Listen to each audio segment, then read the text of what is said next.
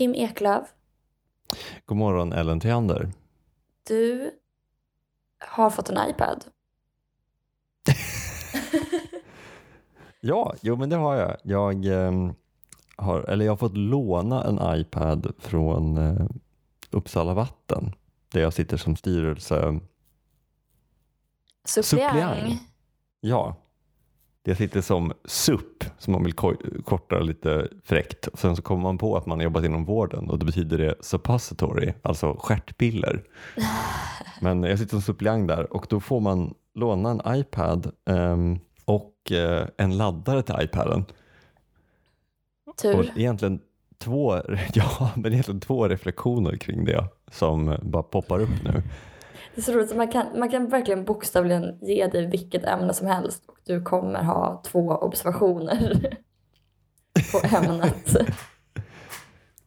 Eh, för det första, att jag skulle liksom få en iPad, eller låna en iPad då för att sitta i styrelsen där, tyckte jag kändes liksom lite vräkigt. Ja, verkligen. Men inte alls lika vräkigt som att jag också skulle få en laddare till en iPad. Jag kommer ju ihåg de här gamla iPhone-kablarna. De här riktigt breda iPhone-kablarna. De fanns ju överallt. De kostade så här 29 kronor Ah, ja, ja, och du så här, hade alltid 15 i fickan. Mm. Men sen kom ju um, iPhone 5 tror jag. Och då fick den den här lilla tunna kontakten som kallas för Lightning. Och helt plötsligt blev de där kablarna guld värda. Så det kändes liksom att så här, de bara, ja men här är en, um, här är en ryggsäck eh, som är praktisk, ja den kan du ha. Eh, och också um, kungarikets hemliga rubin. Se till att den inte försvinner. Så bara, åh nej. ja. Sen kommer jag ju, åh gud. Jag fick skriva på en himla massa papper om den här iPaden då. Mm. För att jag skulle få låna den. Och det, det första var ju liksom relaterat till att den är kopplad till, till Uppsala Vatten. Och Uppsala Vatten i sin tur är ju ett samhällskritiskt företag. Så att jag kan ju använda iPaden när jag sitter i styrelsemöten för att ta del av samhällskritisk information. Och därför får den aldrig lämnas. Alltså iPaden får aldrig lämnas liksom utan uppsikt eller eh, någonstans där någon opålitlig kan komma åt den. Mm. Um, den får inte falla i fel händer så att säga. Det är precis som Mm. konungarikets hemliga rubin. Precis. Ehm, men det stod också att jag får använda den för privat bruk så länge inte det förstör mitt professionella bruk. Det var liksom hela skrivelsen. Det, det är det ständiga problemet man har med all teknik. Att så här, man kan använda det för att verkligen förstöra sitt professionella liv. Genom att surfa, kolla på 10 timmar YouTube, Oblivion, tutorial. Ja, men, men också så här att jag, de syftar liksom att jag skulle göra om, jag vet inte, förstöra den på något sätt så att jag inte kan använda Teams. Ja, just det. Att jag, jag vet inte, byter, um, att jag byter bakgrundsbild till en sån sexy eh, manga-tjej. Hej på er, nu ska vi prata dagvatten. Vem det här är? Ja, det är bara min waifu. Det finns liksom två, två typer av, av personer som har iPads. Mm, Alltså, antingen så är det deras dator mm, eller så är det deras liksom onödiga, alltså så, jag har den bara för att titta på Netflix i badet. Det är inte högst upp på Maslows be- behovstrappa utan du står på en pall på det högsta steget på Maslows behovstrappa med din iPad. Men alla jag Ehm. känner som har en läsplatta har den för att läsa.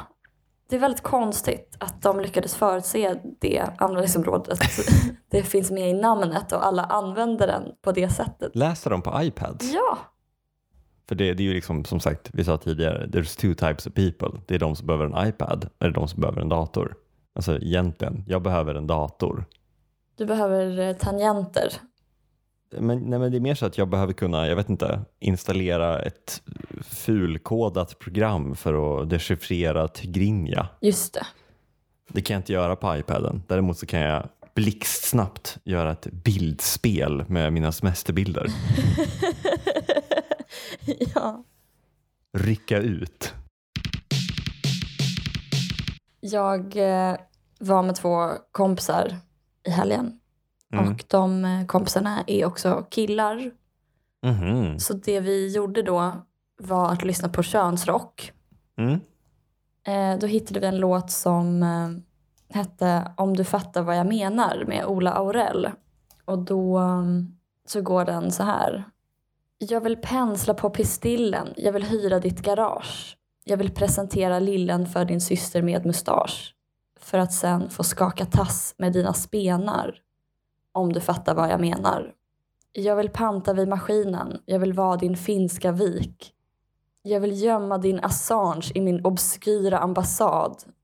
Jag vill föra Fredrik Reinfeldt in och ut ur Rosenbad.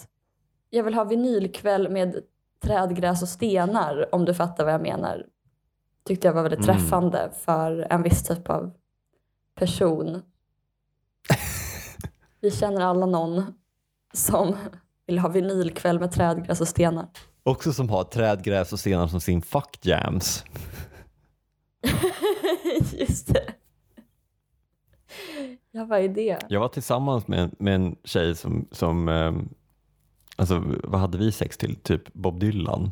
Men så, så ville hon en gång att vi skulle ha sex till Tom Jones. Bara för att det vore kul. Ja. Var det den här sexbomb? Sexbomb, sexbomb, you're my sexbomb. Om du fattar vad jag menar. Du fattar vad jag menar. Nej men då sa Filip att eh, man kanske bara kan säga om du fattar vad jag menar efter vad som helst. Mm. Det är lite som vårt running gag, sluta ragga. Underbart. Ska vi dyka ner i um, vårt existensberättigande, den omtalade listan Ja, som jag nu har framför mig på min iPad och hoppas att det inte förvanskar dess professionella syfte. om du fattar vad jag menar. Jag ska bara klicka bort Tom Jones här på min iPad. Jag hoppas inte att Tom Jones förstör ditt professionella syfte. Ja, det är lugnt, jag är i private surfing mode för jag visste inte om jag vågade googla Tom Jones. Punkt 8. Subkulturen estradpoetkillar som även kan en cirkuskonst, till exempel kasta eld. Mm. Gå på slackline och ha jättemånga silverringar.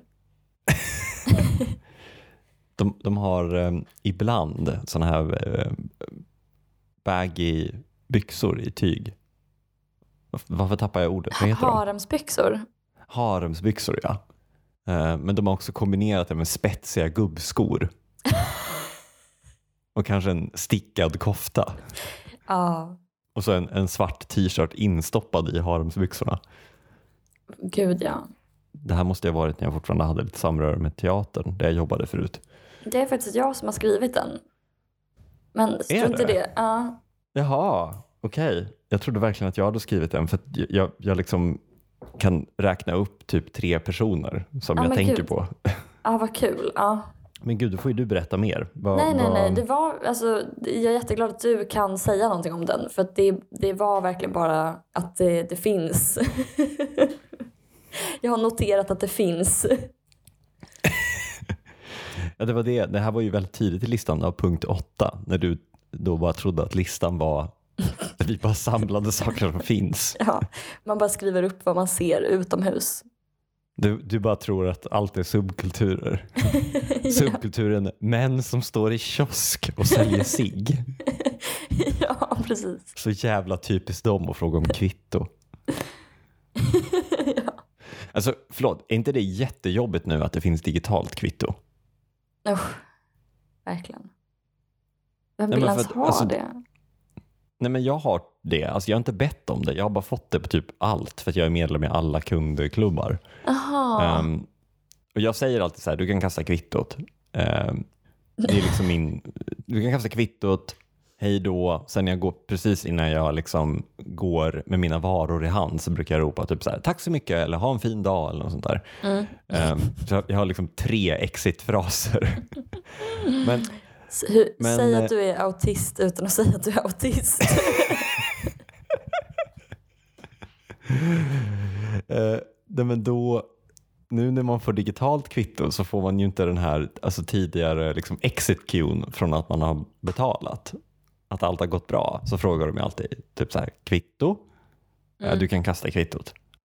Men nu är det bara ersatt innan vi hittar en ny kulturell kodex för digitala kvitton av att vi står och stirrar på varandra. Ja, det, har, det finns inget språk utvecklat för digitala kvitton. Nej. Man kan tänka sig att svenskan skulle vara ett språk med tusen ord för digitala kvitton. Men eh, vi, vi har tydligen, det finns inga ord ehm, på det här jävla språket för att citera Kent. Ja. Det, det, utan, ibland går jag bara för att jag inte vet. Alltså, så här, jag bara, ja men digitalt kvitto och då ropar de efter mig, kvittot! Så det är en Ja. jävla pers nu. Jag funderar på att gå över till att betala med kontanter så att jag inte kan ge mig digitalt kvitto. Jag betalar med kontanter och känner mig som... Det känns som, en, eh, som att jag är en underbar aktivist. Tänker inte alla bara att du fick pengar över när du köpte koks? Just det. Jag fick pengar i julklapp. Men ehm, det är samma känsla som att ha hörlurar med sladd. Då känner jag mig också som att jag är ledare för revolutionen. Jag bara blir, jag blir så upphängd på, bank, på, på bankomat nu. Som ett, ett led i att uh, spåra organiserad brottslighet. För jag tänker att man ska kunna spåra sökhistoriken på bankomater. Vart det köps så mycket droger. Mm. Så skriver man till exempel bankomat S så får man upp bankomat Södermalm, bankomat Södra station, bankomat Söderhallarna, bankomat Södervärn, Ja, det, bankomat Odenplan dygnet runt? Frågetecken. Det är förmodligen bara någon som ska ta ut pengar och ge till sitt barnbarn. Och ha lite dålig koll på tiden. gulligt att ta ut pengar i Söderhallarna för att köpa sitt knark. Att man så köper några ostron och tar ut pengar för att köpa Om du fattar vad jag menar. Om du fattar vad jag menar. Ja, men vi kanske bara lämnar det där. Vi Ja. kanske bara konstaterar att de finns, Stradpoetkillarna. Ja, jag kände till en som är väldigt störig men som liksom har också fått ta sig utrymme väldigt mycket, eller fick 2014 typ. Jolanda Boom. Mm, mm. För hon bytte kön och då så fick hon uttala sig väldigt mycket om feminism typ. Mm. Eh, Men då mindes jag bara henne som en sån otroligt irriterande estradpoetkille som också kan en cirkuskonst. Till exempel kasta eld. Så det enda jag hörde var liksom en estradpoetkille som även kan en cirkuskonst, till exempel kasta eld, som uttalade sig om diverse.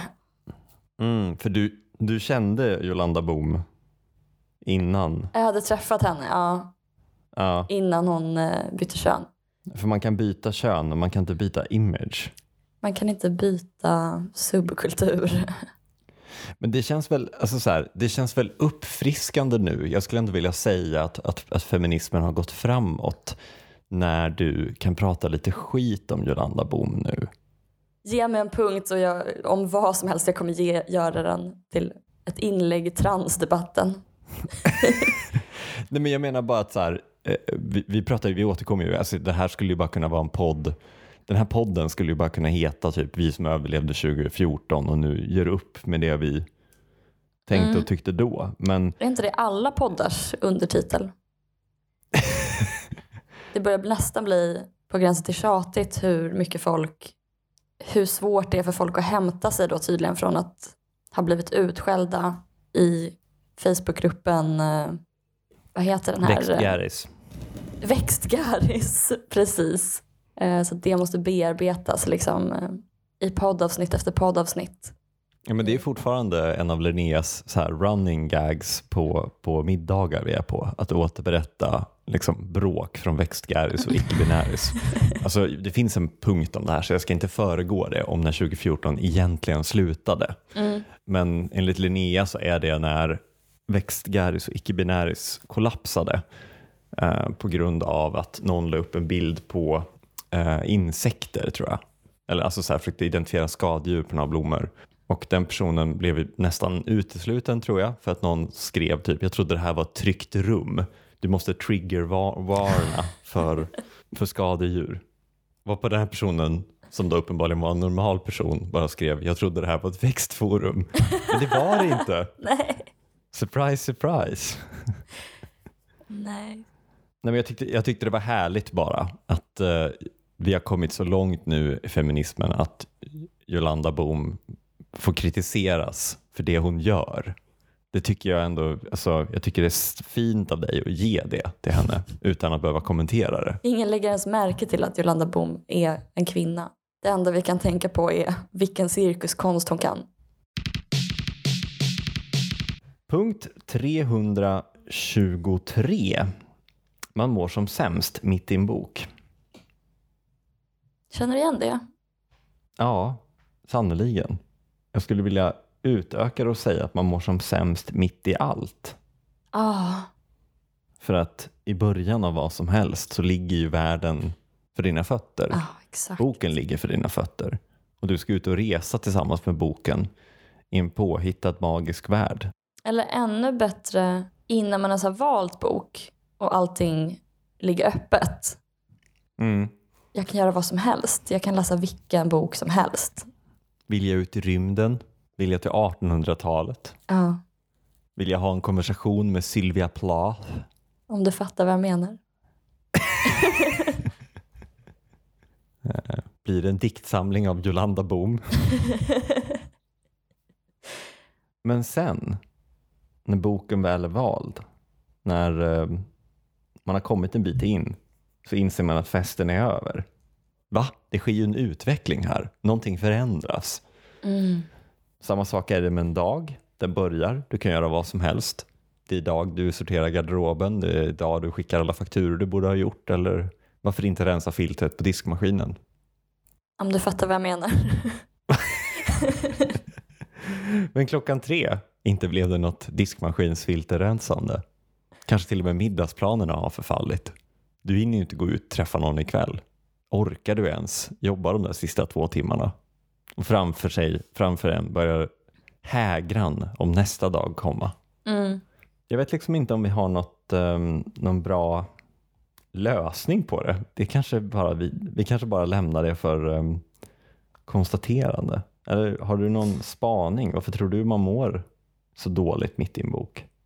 Nej, men däremot så kan jag rekommendera att hoppa över delar av böcker som man eh, inte tycker så mycket om. Mhm. Det är inte många som vet det, men böcker är ju inte riktiga människor. Mm. Så att eh, man behöver inte behandla dem på något särskilt sätt med någon särskild respekt eller så. Mm. Eller vårda den relationen som om det vore den sista droppen vatten. Ehm, De märker inte om man bläddrar vidare. nej. Nej, de märker inte om man inte liksom svarar på sms. eh, Om, man, om det alltid är de som smsar först och tar initiativ till att ses. Och de märker inte att man kanske börjar pika dem eh, alltid efter några glas vin inför sina andra böcker. Mm. De märker inte att man har andra böcker trots att de ligger i samma hög på nattduksbordet. nej, inte ens det. om du fattar vad jag menar. Nej, så att mitt tips är verkligen att eh, behandla böcker utan respekt. Mm. och liksom skumma, bläddra förbi passager, öppna boken var som helst, mitt i, börja läsa där, stryk under, gör hundöron, lämna boken i badrummet så att den blir helt knögglig av ånga. Ehm, Läs den i duschen. Som en galning. Läs den i duschen. Glöm den på en uteservering. Jag vet inte. Alltså, jag bara tänker, någon kanske behöver höra det. Det känns som att Mm. folk har för mycket respekt för böcker på ett konstigt sätt. Men jag, jag tänker så här, om, eh, utan att tänka på att ta hänsyn till bokens känslor. Alltså Mm. Jag är en sån där person som inte kan lyssna på en podd utan att ha 100% fokus. Och liksom Mm. Jag spolar tillbaka så fort jag upplever att jag inte har tagit in exakt allt som sägs. Mm. Samma sak med böcker. Att jag, jag viker hundöron för att jag tänker att jag ska återkomma till delar och förkovra mig. Mm. eller stryker under eller hur ska vi som lider av FOMO, även om berättelsen är or, olidligt tråkig? Ja, men då kanske det är ditt sätt att läsa bara. Alltså jag, jag är också lite så, måste jag säga. Alltså du har aldrig hoppat över en del av en bok. Du bara säger att andra kan göra det. Något jag har hört talas om att man kan göra. Nej, men jag slutar ofta läsa böcker också, mitt i. Mhm. Så att det stämmer ju inte att jag har FOMO då. Vadå, du, du, men tänker du att du ska återuppta dem eller kände du bara, nej, färdig? Ja, oftast är det nog bara att jag är färdig. Jag tror jag har övergivit en bok. Oj, vilken? i. Kornhusets, eh, vad säger man, monologi Oj, vad är det? om eh, stadsarkitekten Gunnar Läcke i Uppsala som har ritat området jag bor i Mm. och i princip hela stan för den Mm. sakens skull. De undrar varför det inte har skrivits någon bok om honom innan och jag misstänker att det har att göra med att alla som är experter på honom är så o, alltså urbota tråkiga människor. Har vi ett eh, uppdrag åt dig då kanske? För framtiden? Man skriver en bok om honom som är kul. Ja, den enda roliga Gunnar Läcke-skallen. Man kan ju inte göra samma sak inser jag med dagar. Alltså man kan inte bara avbryta dagen mitt i.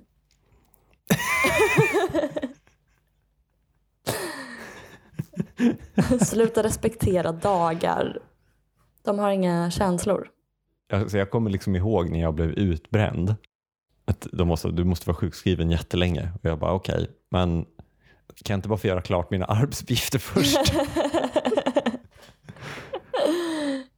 Spoiler alert, jag fick inte det. Nej. Är inte det lite skönt jag- jag- att man inte kan? Man får inte. Jo, jo men gud ja. ja men det är ju så, det, är det, vi, det är det vi behöver. Man kanske borde få um, några get out of jail free cards fast liksom avbryta dagen. Mm. No questions asked, avbryta dagen-kort. Man kanske får, jag vet inte, 10 på ett år? Eller nej, 12. Så har man i alla fall en varje månad. Så har man det att se fram emot. Liksom. Ja, Och då kan man när som helst kasta ett sånt. Och då, då liksom står det i lagen att ja, då, då är man liksom, då får man göra vad fan man vill. men det kan bara vara för er som aldrig slutar läsa mitt i en bok. Ja, alltså jag tänker att det inte är så vi bygger välfärdssystem i det här Nej, det landet. sant. Det är sant. Det ska vara lika för alla. ja. Annars kommer vi ju bara vara, annars kommer vi bli som en utsatt folkgrupp som så. Andra klassens medborgare. Men vore inte det toppen kunna slänga fram liksom och så, så, så står det i lagen att det får inte kommenteras, man får inte ställa några frågor, man får inte bli sur. Det är det ni är mest rädda för. Att någon ska bli Ja, sur. gud ja. ja men vadå, skulle inte du bli sur om jag, du och jag satt och typ hade en jättetrevlig middag enligt dig och sen hivar jag ett avbryta dagen-kort Ja, och det. bara går. Ja. Och inte nog med det, nu sitter du med det där jävla kortet. Ja, måste jag gå och lämna in det här till överståthållarämbetet? eh, punkt 64. Den första namngivna poeten var en kvinna. Ja, otjejigt vara namngiven. ja. Hon heter En Heduanna och var sumerisk eh, prinsessa och prästinna och matematiker och astrolog och astronom och eh, skald. Mm. Eh, det känns så himla förr i tiden. Ser vi i Mesopotamien på 2000-talet före Kristus. Hon har skrivit en krigsdikt. Jag ska inte läsa upp hela dikten. Den heter Lament to the spirit of war. Och det kanske är då den första krigsdikten. Mm. Eh, och då tilltalar hon kriget. Your feet are filled with anxiety. On your lyre of moans I hear your loud dirge scream. Like a fiery Mm. monster you fill the land with poison. As thunder you growl over the earth. Trees and bushes collapse before you. You are blood rushing down a mountain. Hur har du hanterat Ukraina-kriget? alltså, konstant nyhetsbevakning Ja. i princip. Ja. Som en snuttefilt. Också förklarat för min mamma att hon inte får ge pengar till några välgörenhetsorganisationer. Okej. Alla sörjer på vårt eget sätt. Ja. Hon kommer råka ge pengar till något sånt här, alltså Putins läderskofond, alltså av misstag. Ja. Du, du kräver att hon åker personligen och överräcker en bunt sedlar. Det, det har hon också gjort i andra tillfällen så det behöver vi inte Nej, zooma in på. i andra liksom, konflikter. Eh, ja, men hon, eh, under eh, tidigt 2000-tal så var hon väldigt engagerad i Lettlands återuppbyggnad. Ah. Lite, lite visste hon då att uh, Swedbank också var väldigt engagerad i Lettlands återuppbyggnad. Ja, nej men för då har jag, jag har hanterat uh, kriget genom att lyssna på radio också. Och uh, ja, men läsa dikter om krig. men om man inte vet själv vad man ska säga typ eller tänka så kan man alltid kolla vad andra har sagt. Det är ett litet fusk att författare ofta har bättre uttrycksförmåga än en själv. Mm. Men då så eh, visar det sig att Paul Celan är född i Ukraina. Han är annars känd som rumän, eller tysk, judisk, rumänsk. Jag vet, jag faktakollar inte det här. Men då är han tydligen född i nuvarande Ukraina. Mm. Och Mm. eh, som då ockuperades av nazisterna 1941. Och hans föräldrar dog i koncentrationsläger. Och han själv hamnade i arbetsläger som barn. Och då har han skrivit en dikt till sin mamma. Som heter Aspträd. Aspträd, ditt löv är vitt i mörkret. Min moders hår blev aldrig vitt. Maskros, Ukraina är så grönt. Min blonda mor kom inte hem. Regnmoln dröjer du vid brunnar. Min tysta moder gråter nu för alla. Runda stjärna, du virar gyllene slingan. Min moders hjärta sårades av bly. Ekdörr, vem lyfter dig ur järnen? Min blida mor kan inte komma. Mm. Jag hittade också Ukrainas nationalpoet Taras Shevchenko, Mm. icke att förväxla med fotbollsspelaren. Och eh, han var son till livegna. Han- Det här var Mm. på 1800-talet. Han skrev romantiska, sentimentala dikter om det svunna kosacklivet. Om du fattar vad jag menar. och eh, socialt armod i Tsarryssland. Om du fattar vad jag menar. Mm, den upprivna kosackgraven. Tysta värld, kära land, mitt Ukraina. Varför har du plundrats? Varför, mamma, går du under? Bad inte du till Gud var morgon innan solen gick upp? Uppfostrade inte du dina osäkra barn? Och sen lite senare skriver han Dnipro, min broder, torkar ut, överger mig och mina kära kosackgravar rivs upp av moskoviten, men låt honom riva och rota. Han söker det som inte är hans. Mm. Passande nu. Han skriver i My Testament, det här är på engelska. When I am dead, bury me in my beloved Ukraine. My tomb upon a grave mound high. Ja, och sen Oh bury me, then rise ye up and break your heavy chains and water with the tyrant's blood the freedom you have gained, and in the great new family, the family of the free. With softly spoken kind word, remember also me. Om man vill ha något att läsa för att hantera det här kriget så kan man läsa Taras Shevchenko. Kommer en litteraturförteckning efter uh, outro-jingeln.